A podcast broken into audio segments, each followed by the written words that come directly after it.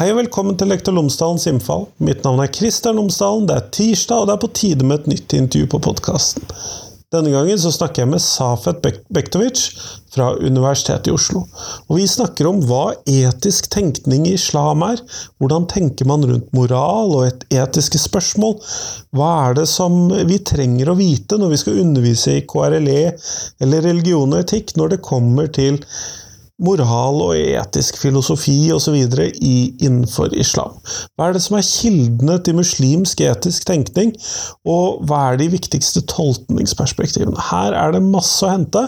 Vi er vant til dette fra sekulært perspektiv, fra kristen perspektiv, men hvordan ser dette ut fra et mer muslimsk perspektiv, og hvorfor er dette viktig i skolen? Det snakker jeg med Safet Bektovic om, sånn at det får du etterpå. Men i hvert fall, podkasten min den er sponset av Fagbokflagget. De utgir bøker og digitale læremidler for hele utdanningsløpet, fra barnehage til høyere utdanning og profesjonsstudier. Samt norsk for minoritetsspråklige. Fagbokflagget kommer stadig ut med nye relevante læremidler, så følg med på fagbokflagget.no. Og veldig mange lærerstudenter de opplever at praksisperiodene i lærerutdanningen er veldig lærerike. Men hvorfor finnes det ikke noe mer faglitteratur om denne praksisen? Og det er derfor jeg kan nevne at den andre utgaven av praksisstudier nå er mulig å få tak i. Målet med denne boka har vært å samle erfaringer og forskningsbasert kunnskap som gjør det mulig for lærerstudenter å nyttiggjøre seg mulighetene som ligger i skolen som lærerutdanningsarena. Og boka vil være til god hjelp med å forberede praksisperioder og utfordringer med å knytte teori og praksis sammen. og så bestill den på fagbokflagget.no. Den finner du der. Fagbokflagget.no, altså. Men nå, nå får du Safet Bektovic, vær så god.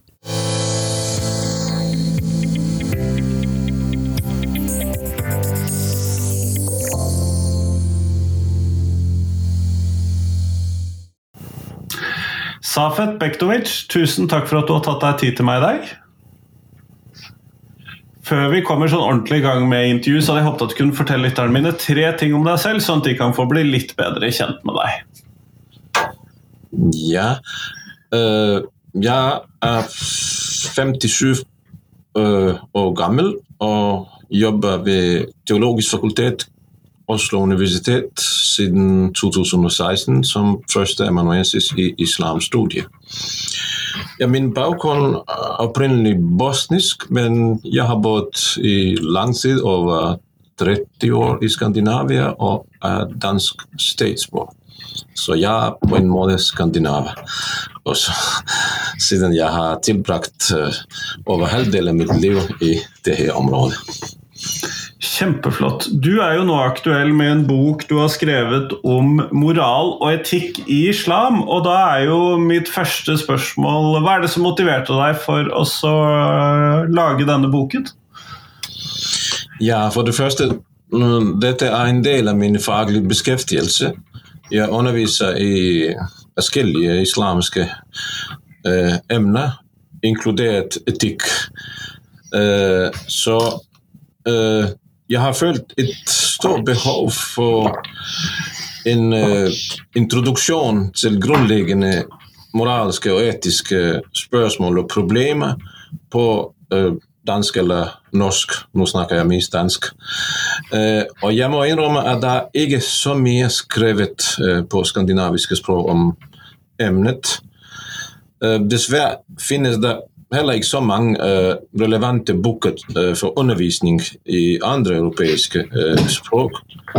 Så det var en malpraktisk ja, motivasjon eller behov for å skrive noe som, som er en slags refleksjon over de flere års undervisning i emnet islamsk etikk. Og Samtidig syns jeg at selve området er viktig. Fordi det er blitt aktuelt å uh, diskutere etikk ikke kun i, i, i fagmiljøet, men også i offentligheten, i politiske sammenhenger.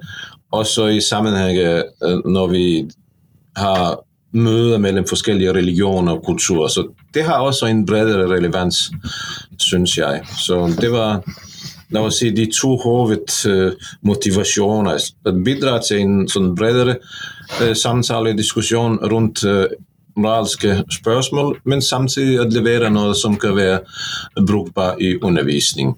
Og det, nå underviser jeg i, i programmer som er bachelornivå på Oslo universitet. og jeg har prøvd også å tilpasse nivået til studentene på, på det nivået. Men uh, faktisk mener jeg den kan brukes også av videregående utdannelse og den slags. Eh, og, men har du gjort deg noen tanker om hvorfor det har manglet en sånn eh, tilgjengelig bok på dette nivået om dette temaet mm. innenfor hva skal vi kalle det, vår språkkrets? da? Ja, Det er et veldig viktig spørsmål. Uh, man kan snakke en hel time om hvordan kan det være at man ikke har skrevet så mye om moral og etikk i islam. Uh, hvor man har skrevet havn av bøker om det politiske forhold, om historie, om For ikke å snakke konflikter og andre dagsaktuelle problemer knyttet til islam og muslimer. Så det er flere svar, eller, eller et svar som inneholder mange aspekter. En viktig er at man har forstått både utenfra og innenfra. Uh, jeg tenker som en som ikke selv muslim, eller som muslim, at moral er nær knyttet til loven.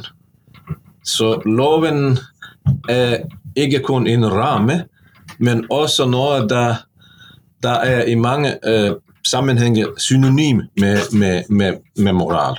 Og nå snakker vi islamisk lov, sharia-loven.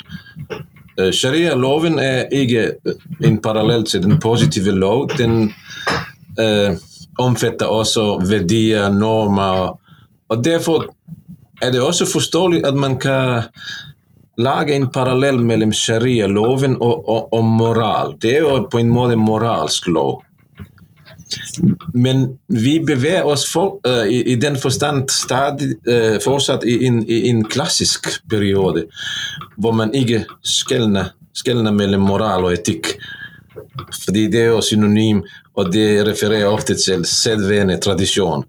Så i, på en gammel fasong uh, kan man godt si det er ok at, dra den konklusjonen. muslimenes moral er hovedsakelig noe der enten avspeiler uh, sharia, eller er knyttet på en måte til sharia. Og Derfor har man fokusert hele tiden på sharialoven. Og Et kort svar på hva det er moralsk, vil være det moralske er det som er regulert av sharia. Det som sharia foreskriver og, og, og, og, anbefaler. Fordi loven, sharia, er ikke bare, som jeg ser, en, en positiv lov. Den forbyr uh, uh, påbudet eh, anbefaler å ha andre eh, nivåer i, i regulering av tingene. Men i dag da er en annen situasjon, ikke bare i den moderne tid, hvor vi, hvor vi har etisk refleksjon, en, en diskusjon over de forskjellige moralske standpunkter og argumentasjonsmåter. Og så blir samfunnet også mye mer kompleks, og pluss har vi sekularisering. Og så oppstår det en rekke nye spørsmål Hvordan egentlig handler ikke kun muslimer, men generelt mennesker moralsk. Og hvordan rettferdiggjøre, og hvordan begrunner de deres moralske eh, handlinger og holdninger. Så i den forbindelse vil jeg mene at det er viktig å ta hensyn både til den moralske tradisjonen, klassisk middelalderlig og helt til moderne tid, men også om en etisk øh, refleksjon over de forskjellige muslimske moralske tradisjoner. Fordi det er også viktig å nevne at det eksisterer ikke en uniform eh, moralsk tradisjon blant muslimene. Så det er jo det er en av forklaringene hvorfor man, man har ikke skrevet mye, fordi man fortsatte den gamle måten å uh, beskjeftige seg med islam, hvor man har sharia-loven, hvor man har ritualer, hvor man har historie. Så det er noen, klass noen klassiske oppdelinger av fagområdet. Men ikke etikk, fordi man tenkte nei, etikk det er jo noe med ja, en moderne tankegang. Noen vil si det er jo noe som, som begynner først i, med ja, humanisme eller klassisk uh, tysk filosofi med Kant uh, og ideen om autonom menneskets ja, posisjon i forhold til, til verden. Kunne, eller Er behovet for denne boken, da, eller for temaene som er dekket i boken, og kunnskap om det, blir det forsterket av at eh, dette da skal undervises i en eh, majoritet, eller historisk majoritetskristen kultur? Absolutt. Ja, absolutt. Bare et enkelt eh, spørsmål man kan stille. Hvor møtes menneskene, og hvordan møtes de? Så noen vil si du møtes som mennesker som har forskjellige religiøse kulturelle bakgrunn. Vi lever i en pluralsamfunn. Ja, men egentlig eh, hvor de ofte kan finne en felles forståelse for problemet hvis ikke en felles idé om, om visse spørsmål, er det etiske området. Fordi det handler om å definere det menneskelige. Det etiske kan man så se, det er jo det menneskelige. Og det er en virkelig sånn grunnlag hvor alle kan være med til å ha en, en samtale, en dialog, eller å utveksle uh, tanker og erfaringer rundt det som man forstår selve mennesket. Hva er et godt menneske, en, en god borger og, og, den slags spørsmål. Og det er jo en absolutt uh, høy uh, prioritert spørsmål. Ikke kun faglig, men også politisk og kulturelt. I situasjonen hvor muslimene er minoritet, eller hvor forskjellige muslimske grupperinger er minoriteter, så gir det en ekstra poeng å finne ut hvordan disse minoriteter forstår seg selv som, som bra, og som, som, som, del av et nytt samfunn. Og igjen reises det de samme spørsmål. Uh, hva vil det si å uh, være et godt menneske, å handle moralsk og å uh, oppføre seg i overensstemmelse med det som man selv har som referanseramme. Og det syns jeg er mye bredere eh, kontekst enn bare å snakke loven. Hva er forbudt, hva er tillatt? Hva er Vi kjenner jo den der standard uh, ja, språk på, på, på, no, på diskusjonene, i diskusjonene om islam. Det er halal og haram. Hva er det forbudt, hva er det tillatt? Uh, moral og etikk er mye bredere, og pluss uh, bidrar de til å forstå selv denne uh, betegnelse som, som, som er som, ja, litt firkantet uttrykk for, for muslimenes livsstil.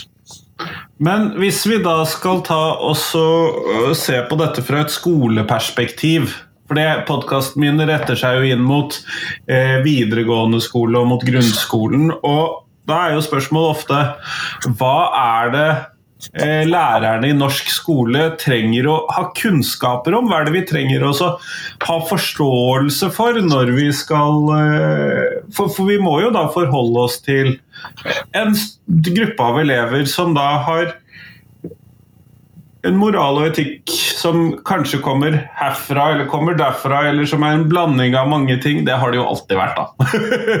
Men dette er jo da en annen kilde til moral og etikk enn den man kanskje har vært vant til i norsk skole fra før av. Hva er det vi trenger å vite om moral og etikk i islam, vi som lærere? Ja, du nevner noe, noe viktig og godt eh, blanding av forskjellige ting. Det handler bl.a.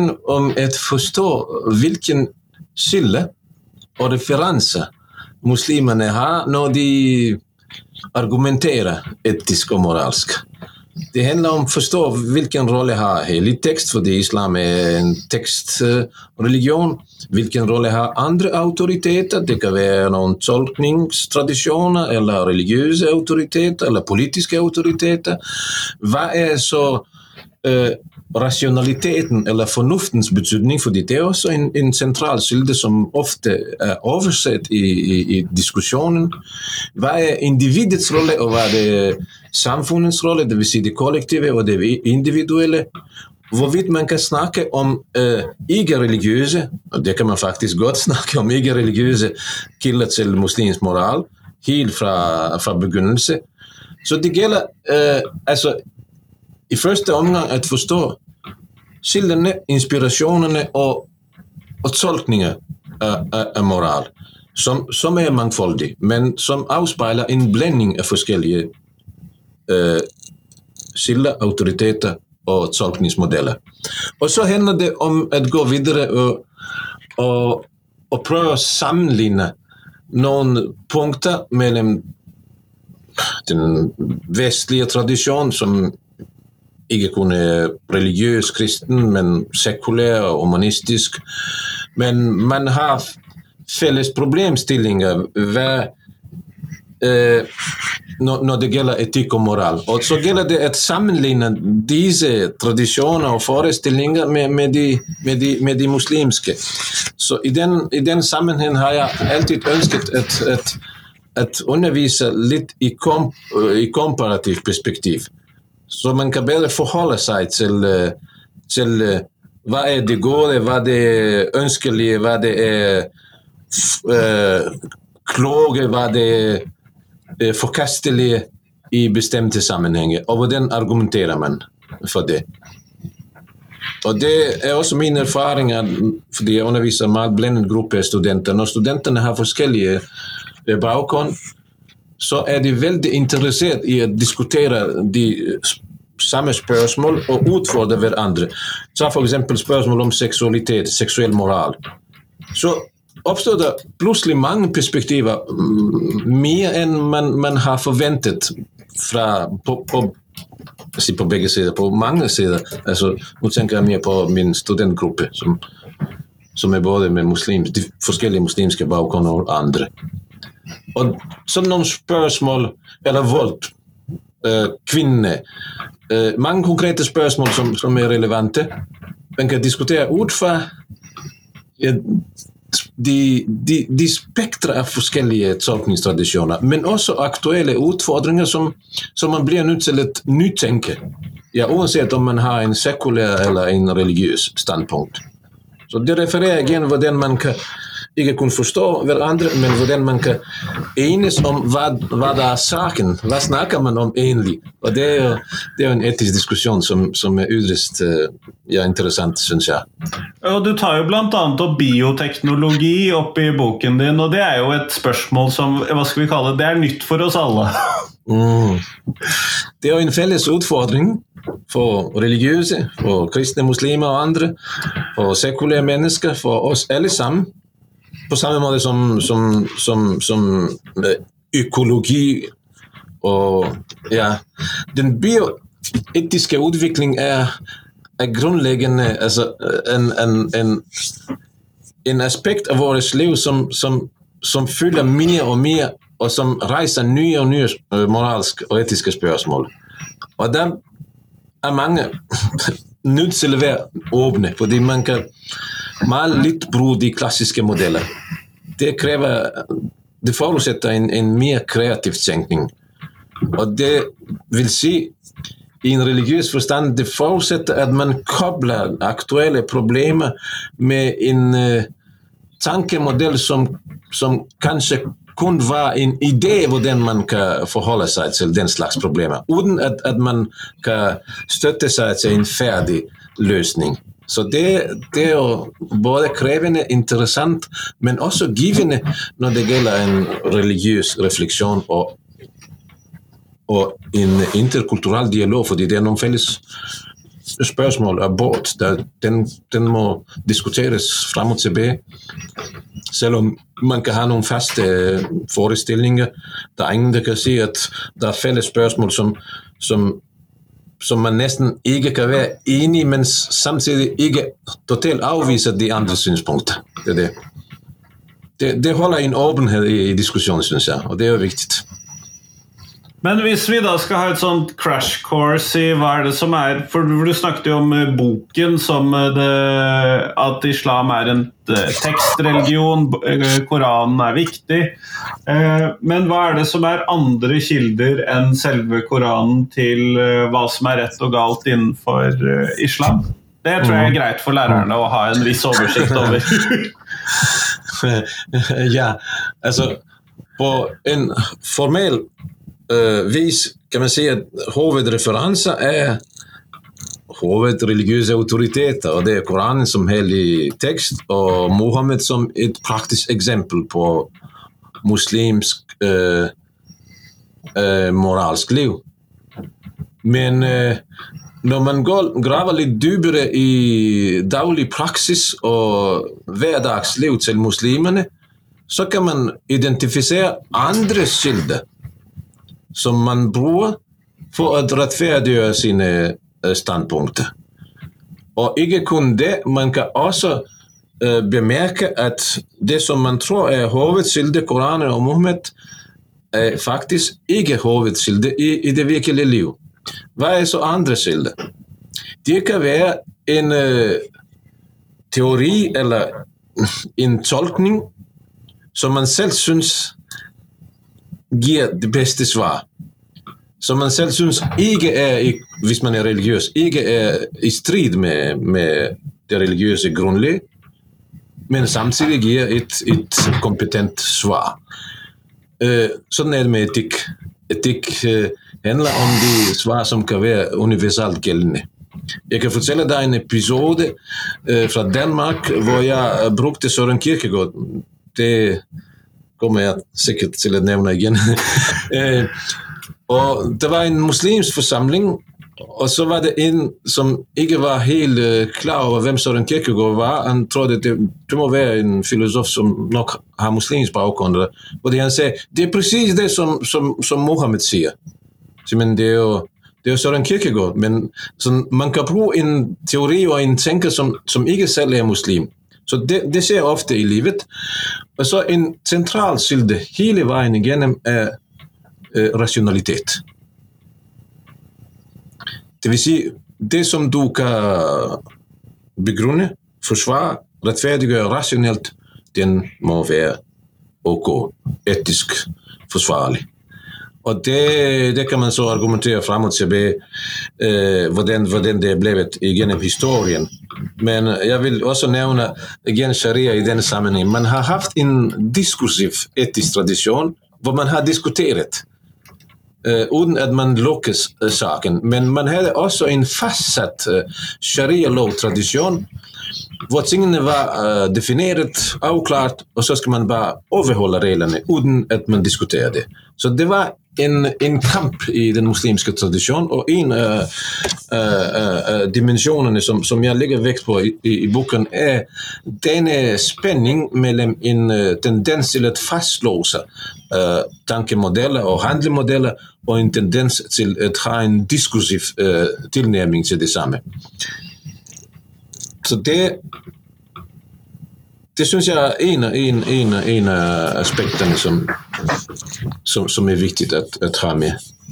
Og da blir jo i praksis tolkning og forståelse av hvordan man tolker eh, disse reglene og anbefalingene og rasjonaliteten osv. blir jo da viktig. Ja, det blir viktig. Eh, det, det, det, blir også uh, altså Jeg har ønsket å påvise at det er jo ikke så nytt at individet og rasjonaliteten spiller en stor rolle. Men uh, man har etablert andre modeller hvor igjen loven kommer til å være sentralt. Uansett hvordan den fungerer i praksis. Fordi altså, mange aspekter av sharia det det er noe som er virkelig på samvittighetsnivå. Uh, uh, det kommer an på hvordan mennesket selv handler. Og I den forbindelse er det ikke en positiv lov, altså en lov som, som er vedtatt av en autoritet, som kan bestemme eh, hvordan du, du handler. Fordi det er ofte noe mellom mennesket og andre mennesker, mellom mennesket og Gud. Så eh, I den forbindelse kan man ikke benekte at samvittighet spiller en så viktig rolle i, i, i muslimsk moral. Og det er ikke uh, identisk med å følge reglene. Nei. Det, da har man så belegg. Det er derfor man har diskutert uh, gjennom hele historien hvordan, hvordan man formulerer uh, prinsipper som svar til den gjeldende kontekst og som er med til å bidra til etisk, moralsk reform. Det er jo i siste ende det helt sentrale poeng i hele Mohammeds misjon. Å foreta en moralsk reform. Og så kan man si er den ferdig laget? Nei, altså det er en prosess. Og denne reform uh, er aktuelt også i dag. Reform i, i betydning at man på ny tenker både gamle og, og sånn hypotetiske og reelle problemer. Men også at man prøver å finne løsninger som, som, som er rådfestet i det allmennmenneskelige. Ja, og dette er jo komplisert, fordi at uh, man skal jo uh, samtidig ivareta mange nye situasjoner. Og de aller fleste individer har jo ulike perspektiver på alle disse spørsmålene. Så det er jo et komplisert landskap du skal prøve å tegne opp her. Ja, det er jo komplisert. Man snakker om, også om moralsk pluralisme.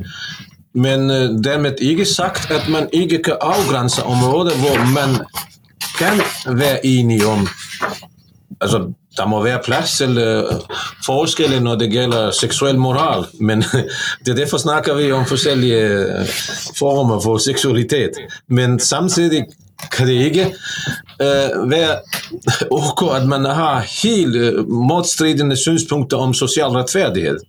Fordi det, det er noe så sentralt. Og det når man, når man, når man sier nå, nå, vet vi hva det betyr at pendle uh, til fordel for samfunnets beste. Så det er jo sentralt. Og hvordan man forholder seg til enkelte spørsmål som kan bevares inn i det private, det er så plass til moralsk pluralisme. Så Eh, du har jo naturlig nok, ettersom dette er jo da en eh, religion med et arabisk opphav, så er det jo en, noen sånne kompliserte begreper eh, inni her. Eh, jihad er vel en av de som vi kjenner mest til, for det har jo, som du sier, akkurat det har det blitt skrevet en del om tidligere. Eh, men det er jo noen sånne eh, begreper sånn som ich, ish Etihad og. Eh, andre lignende som og FIK osv. som jeg tror det er kanskje greit å snakke, snakke om. Er det noen andre sånne begreper du tror det er viktig at lærerne har en viss oversikt over? Ja, det er jo det er nok det sentrale begrepet i islam generelt, ijtihad. Og det er samme råd til jihad. Og så gjelder det om å forstå de forskjellige dimensjoner La oss si jihad. Det kan være en fysisk, en intellektuell, en spirituell jihad. Men vi kan også snakke om moralsk jihad. Selve uh, jihad er bestrebelse. Bestrebelse å oppnå en høyere mål. Bestrebelse å oppnå en bedre tilstand. Så nå nevnte jeg moralsk reform. Bestrebelse på å skape en moralsk samfunn. Ja. Og ijtihad betyr tolkning. Så denne bestrebelse eh, går sammen med, med, med, tolkning. Så du kan ikke gjøre det uten å tolke. Og tolkning er en, en, en, en vedvarende prosess. Så det er jo sentralt. Altså, uansett hvilken rekkefølge man, man gir når det gjelder kilder til islams tenkning, er det først uh, Gud, Koranen, Mohammed, individets samfunn, eller omvendt så gjelder det om å implementere prinsippet ijtihad, å foreta en tolkning. Du kan f.eks. ikke si ja, Koranen er kilde, men Koranen leverer ikke en lov. Koranen har noen ideer.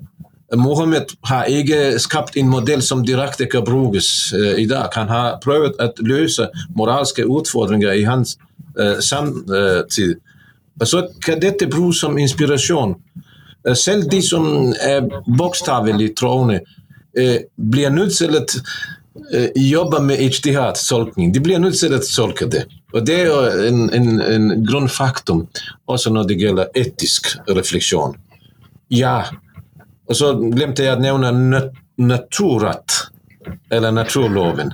Ja, Nevn gjerne den. Snakk gjerne litt om det. Eller kanskje ville du eh, Kjør på. Ja, uh, i hele den uh, undervisningstid har jeg fått gang etter gang et spørsmål Finnes det noen naturrett i islamsk etisk? Fordi det er jo så sentralt i den vestlige tradisjonen, går helt tilbake til kvinner og spesielle altså den klassiske tid hvor, hvor man kobler naturrett eller loven med, med kristen etisk universalisme. Og det er et område som igjen er aldri blitt utforsket. Uh, til overraskelse av dem som, som, som er mindre vitende, finnes det faktisk både klassiske og moderne tekster som eh, eksplisitt legger vekt på naturrett som en sentral kilde til, til moral i islam. Og så åpner det igjen opp for en interessant, fin og fruktbar diskusjon om forskjellige syn på naturrett og betydning av naturrett på tvers av religioner og ikke-religioner. Og et punktum, fordi vi snakker det, det, det kan være malkompleks. Men hvis vi tar naturretten, så virker det som mindre kompleks. Det kan plutselig en sekulær uh, person og en kristen eller jødisk eller buddhistisk eller muslim ha en felles uh, referanse og en felles uh, område av spørsmål og, og, problemer som, som, som, de kjenner igjen, og som de kan ta som utgangspunkt for en hel rekke altså, beslutninger eller, eller, eller tolkninger.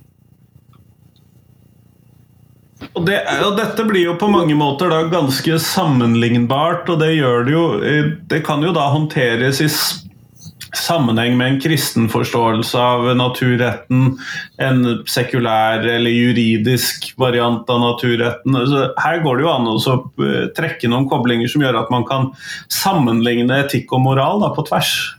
Mm. Ja, altså det er jo det det, gjør spennende. At man, at man, diskuterer etikk fordi man, man, man kan sammenligne. Og ja, både tilnærminger og tradisjoner perspektiver, men også argumentasjonsmåter. Og man kan også være overrasket over argumentasjonsmåter. Og det er, det er viktig. Når du utfordrer et menneske til å argumentere, så, så finner du ut hva, ikke kun hva er referansene, men også på, på hvilken måte man, man, man argumenterer.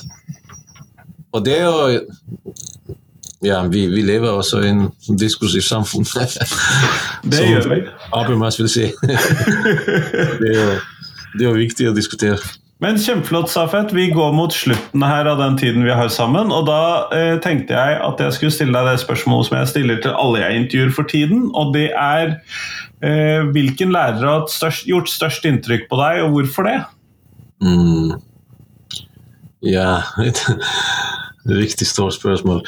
Eh, jeg tror faktisk at min første skolelærer da jeg begynte i skolen, det var langt tilbake i, i, i 72. Min første klasse. Uh, med Hosiaric, min første lærer. Han har åpnet uh, en ny verden for meg.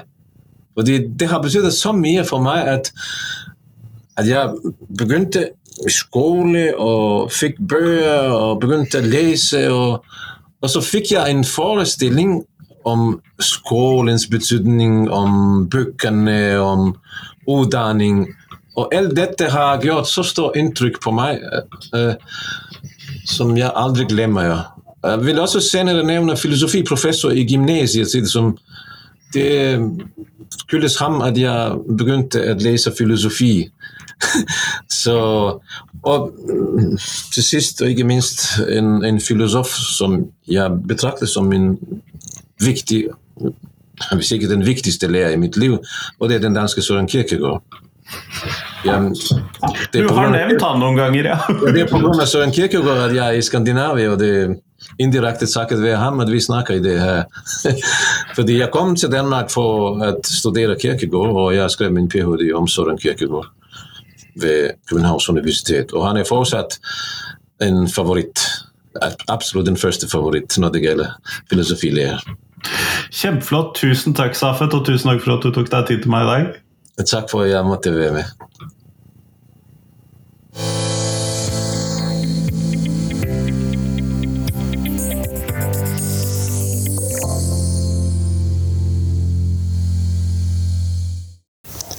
Nå nærmer det seg muligheten for deg til å bli med på livepodkast med Lektor Lomsdalens innfall. Den 13. mars i, eh, på Litteraturhuset i Oslo så er det nettopp livepodkast som er greia. Da slår jeg meg løs med å lansere boken 'Burde vi det?' Profesjonsfaglig etisk kompetanse i skolen. Og det gjør jeg med å arrangere da en gratis livepodkast på Litteraturhuset i Oslo. Du får da møte Sara Eline Eide, Håvard Søberg og Kristine Lilletun Norheim, eh, som fra hver sine vinkler så skal vi ta for oss hvordan vi kan gjøre skolen til et godt sted å være og et godt sted å lære for alle elevene. Og de aller fleste elevene, 80 ish av elevene de trives godt i skolen, men hva med de siste 20% som av ulike grunner syns at dette ikke er så veldig bra? Hvordan får vi skolen til et bra sted å være for disse? Det bruker jeg lanseringsfesten min på boken til. Vi skal snakke om hvordan sørger vi for at skolen er en god skole for alle elevene.